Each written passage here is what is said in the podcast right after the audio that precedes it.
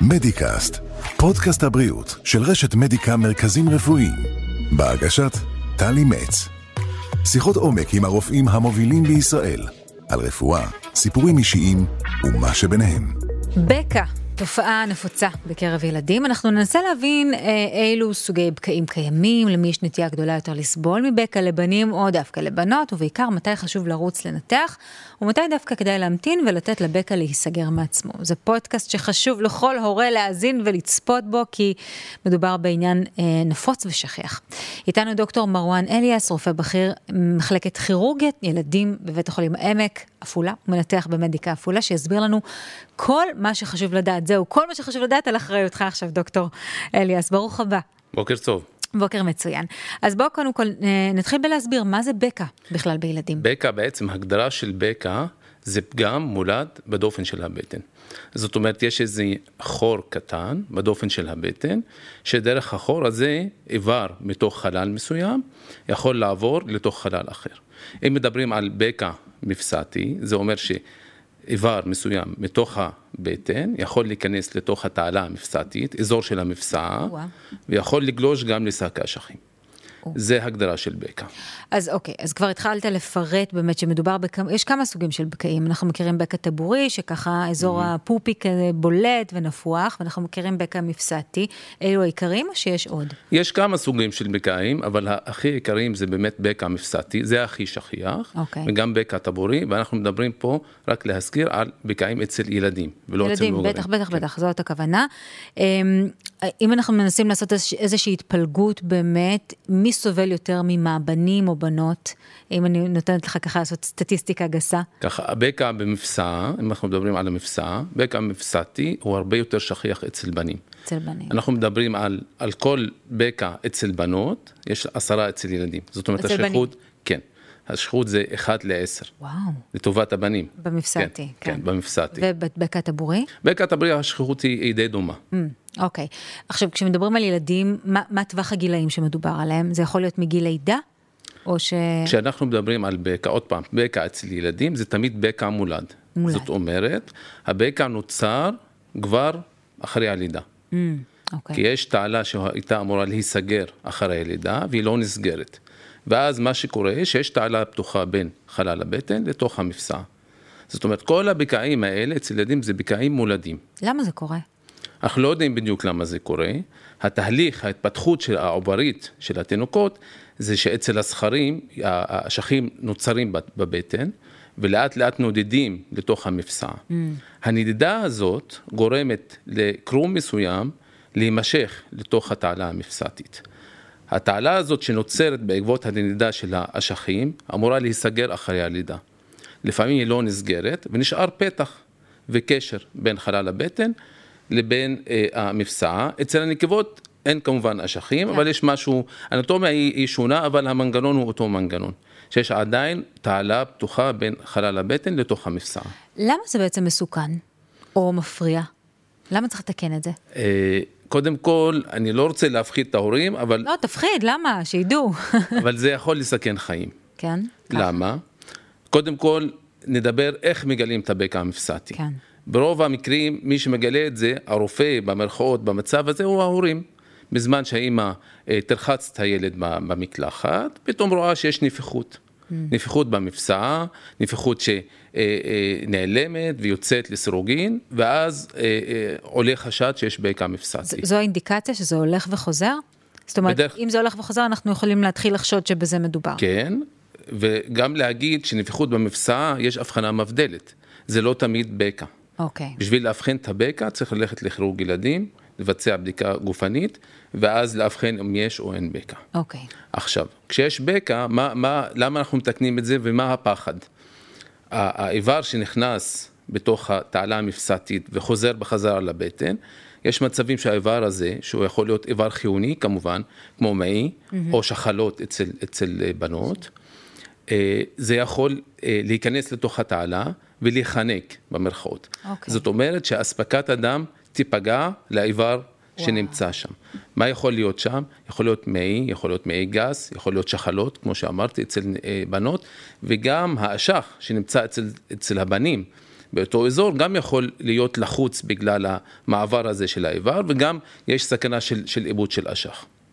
בקיצור, זה לא משהו שאנחנו רוצים להתעסק איתו, וזה גם לא משהו להקל בו ראש, זה בהכרח משהו שצריך לטפל בו. זה משהו אה, אה, שצריך לטפל וצריך לטפל בהקדם. כן, אוקיי. Okay. אם אנחנו מאבחנים בקע במפסעה, והאבחנה עוד פעם מבוצעת על ידי כירורג ילדים, אז צריך לנתח בהקדם. עכשיו, שלא נגיע למצב של כליאה של הבקע. יש איזשהו גיל שהוא הגיל המומלץ ביותר לנתח בו? זאת אומרת, יש הבדל לצורך העניין לנתח תינוק בן שנה או ילד בן חמש, מבחינת המשמעות של הניתוח והיכולת לתקן? קודם כל נדבר על המועד של הגילוי של הבקעים. Okay. אוקיי. מועד הגילוי אצל רוב התינוקות זה עד גיל שנה. Mm-hmm. רוב התינוקות מאובחנים עם בקע עד גיל שנה. זה גם uh, שלב כזה שהולכים, רואים הרבה רופאים, זאת אומרת, uh, באופן טבעי, mm-hmm. כשתינוק נולד, אז הוא פוגש הרבה רופאי ילדים, טיפת חלב, אחות. נכון. אומרת, הוא נכון מאובחן. מאוד. כן. אז רוב הבקעים מאובחנים עד גיל שנה. אוקיי. אבל יש כמובן חלק מהילדים שמאובחנים בגיל חמש, בגיל עשר, לפעמים לפני אה, לשכת הגיוס. וואו. לפני שהולכים לצבא, ואנחנו מדברים פה על דברים שהם מולדים, שמתגלים בשלבים מסוימים של החיים. אמן. נכון. אבל רוב הילדים מאובחנים עד גיל שנה, ורוב הסיבוכים שמופעים בעקבות הבקע יכולים, מופעים בעד עד גיל שנה. Mm. בגלל okay. אוקיי. זה אנחנו, איך שאנחנו מאבחנים את הבקע, ולא חשוב אם זה בקע שגולה, שהתגלה בגיל חודש, בגיל שנתיים, צריך לנתח בהקדם, בשביל להימנע מהסיבוך של, של כליאת הבקע. אוקיי, okay, אז, אז ברגע ש, שבאמת יש הבחנה, אני מניחה שזה מונע מלא מעט מורים, הורים, אה, לא יודעת, תינוק קטן בבית. לא בדיוק יסוסו אה, לרוץ איתו לחדר ניתוח, אתה יודע, בכל זאת מדובר בתינוק קטן, ואולי יעדיפו דווקא לחכות שהוא טיפה יגדל, שיהפוך לילד ולא לתינוק, כדי באמת להכניס אותו לחדר הניתוחים. נכון. לא אבל... פרוצדורה נעימה. נכון, ובכל זאת מדובר בניתוח, כן. מדובר בהרדמה כללית כמובן. כללית, אוקיי. כן, הרדמה כללית, ויש סכנות של הרדמה, נכון. גם במיוחד אצל תינוקות, אבל תמיד אנחנו עושים, או אה, שמים במשוואה את היתרונות מול החסרונות. Mm-hmm. אם אנחנו מדברים על החסרונות של לחכות עם התיקון, הסיכון של הבקע, חסרונות זה באמת סכנת אה, אה, אה, עיבוד של איבר חיוני או סכנת חיים. Mm-hmm. מול היתרונות של לנתח את הבקע ולנתח אותו בהקדם ולפתור את הבעיה. אגב, רמת הדחיפות הזו שאתה מתאר והחשיבות היא נכונה גם לבקע טבורי? בקע טבורי, בהבדל מבקע מפסעתי, בקע טבורי יכול להיעלם לבד. Mm.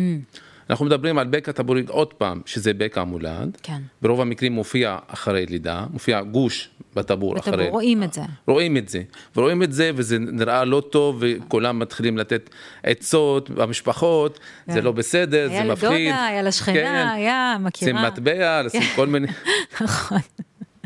אז, לא, אז זה משהו שהוא לא מפחיד, באמת, זה נראה מציק או נראה לא יפה, כן. אבל זה משהו שהוא לא מפחיד בכלל. גם לא אז, מסכן חיים. ולא מסכן חיים, הסיבוכים של בקע הטבורי הם מאוד מאוד מאוד נדירים, ואנחנו מחכים עד גיל ארבע שנים, עד שאנחנו מתחילים לחשוב על תיקון של בקע טבורי. אוקיי. כי רוב הבקעים הטבוריים נסגרים לבד. אז זה פחות מלחיץ אותנו, ולכן נכון, אנחנו מתמקדים יותר בבקע נכון. המפסעתי. תגיד, אז אפרופו ניתוח, אה, איך, איך, איך זה עובד, אה, נקרא לזה שלב ההתאוששות, אבל אני פחות מתכוונת להתאוששות עצמה, אלא יותר לחיים שאחרי. איך, איך חוזרים לתפקד, איך הילד חוזר לתפקד אחרי ניתוח כזה? אה, ניתוחים אצל ילדים הם ניתוחים, סך הכל ניתוחים פשוטים יחסית, זה אחד הניתוחים הכי שכיחים אצל ילדים, mm-hmm. מבוצעים בכל הגילאים. אם מדברים על תינוקות עד גיל חצי שנה, אז עושים את הניתוח בהרדמה כללית כמובן, ונשארים לאשפוז למחרת. אחרי יומיים הכל בסדר, אז הולכים הביתה. ומעל גיל חצי שנה זה מסגרת של אשפוז יום. באים, עושים את הניתוח, אחרי ש... שעתיים שלוש רואים שהכל בסדר, שהתינוק חזר לעצמו, ואז הולכים הביתה. מדהים. כן. עכשיו, צריך לחזור ל... לא יודעת מה, אה, ניתוח חוזר, או לאיזושהי ביקורת קבועה, איך ההתנהלות אחרי? קודם כל נדבר מיידית אחרי הניתוח. אחרי הניתוח הילדים נזקקים ברוב המקרים למספר פעמים של משככי כאבים, ולא מעבר לזה. כן. אם אנחנו משווים את הבקע, תיקון בקע אצל מבוגרים, אז מבוגרים נשארים בבית שבועיים, שלושה. בלי מאמץ, בלי פעילות גופנית. אצל ילדים ההתאוששות היא מהירה וההתאוששות היא טובה. לעתיד באמת האחוז החזרה של הבקע, אם עושים אותו בזמן הנכון, היא מאוד נמוכה. כי מדובר בפגם מולד שצריך לתקן אותו. Mm-hmm. וכמובן לא מדברים, אם, אם דיברנו פעם על בקע מפסעתי אצל מבוגרים שצריך לשים חיזוק כמו רשת, אצל ילדים לא שמים רשת. התיקון הוא תיקון ראשוני, פשוט, וברוב המקרים זה, זה תיקון מצליח. נשארת צלקת? משמעותית? אה, יש הרבה שאלות על הצלקות. מה שטוב במרכאות אצל ילדים זה הריפוי הטוב של הרקמות. Mm-hmm. זאת אומרת, הצלקת היא צלקת שנראית סך הכל אה, צלקת אה, תקינה. החתך באורך של שני סנטימטר בערך, באותו צד של המפסעה. אוקיי. Okay. עכשיו אם אתה מרשה לי, אני רוצה לשאול אותך ככה לקראת סיום שאלה אישית יותר. בכל זאת, אתה כירורג, ואתה מנתח ילדים, שלא לומר mm. תינוקות, זה לא נורא נורא קשה? זה, זה לא פשוט, תמיד לראות תינוק ש, שצריך ניתוח. כן, מורדם, ומורדם ככה בחוסר אונים. ובחוסר אונים, ויש את הרגע הזה שההורים באמת אחרי שהילד מורדם צריכים להיפרד מה, מה, מהילד ולצאת ולחכות ל, ל, מחוץ לחדר ניתוח. רק המחשבה על זה עושה לי צמרמורת. נכון. מצד שני התוצאה, כשמסתכלים על התוצאה הטובה ורואים את הילד אחרי מספר שעות, כשהוא חזר לעצמו, והוא כבר אוכל ומשחק. וכאילו לא עבר שום דבר, אז, אז הסיפוק הוא אדיר והתחושה היא טובה. כן, טוב, אתה יודע שלא רק uh, הצלת את חייו במקרים מסוימים, גם שיפרת את איכות חייו נכון, העתידית נכון. בצורה כזו שזה כנראה, טוב, יש לך קור רוח מעורר הערצה, אני חייבת לומר. דוקטור מרואן אליאס, אני ממש מודה לך, אני בטוחה שגם לא מעט הורים שמאזינים לנו uh, מודים רק לך. רק עצה קטנה כן. לכל ההורים. כן. כשהתינוק כמובן מתחת לגיל שנה אז הוא לא יכול להגיד מה מפריע לו, הוא רק בוכה. אז אם הוא באי שקט או בכי שלא עובר ככה אחרי כמה דקות, לפתוח את הטיטון, להסתכל במפסעות, שאולי יש איזה משהו שהוא בולט, שיכול להחשיד בבקע, שכן צריך לטפל. ואתם יודעים מה, אם יש לכם ספק ואתם לא בטוחים, יש רופאים שיכולים לעזור לכם להיות בטוחים, ולא משהו להקל בו ראש בכל מקרה. איזה טוב שבאת, תודה רבה. תודה. תודה רבה לך, תודה. דוקטור אליאס. מדיקאסט, פודקאסט הבריאות של רשת מדיקה מרכזים רפואיים, בהגשת טלי מצ. שיחות עומק עם הרופאים המובילים בישראל, על רפואה, סיפורים אישיים ומה שביניהם.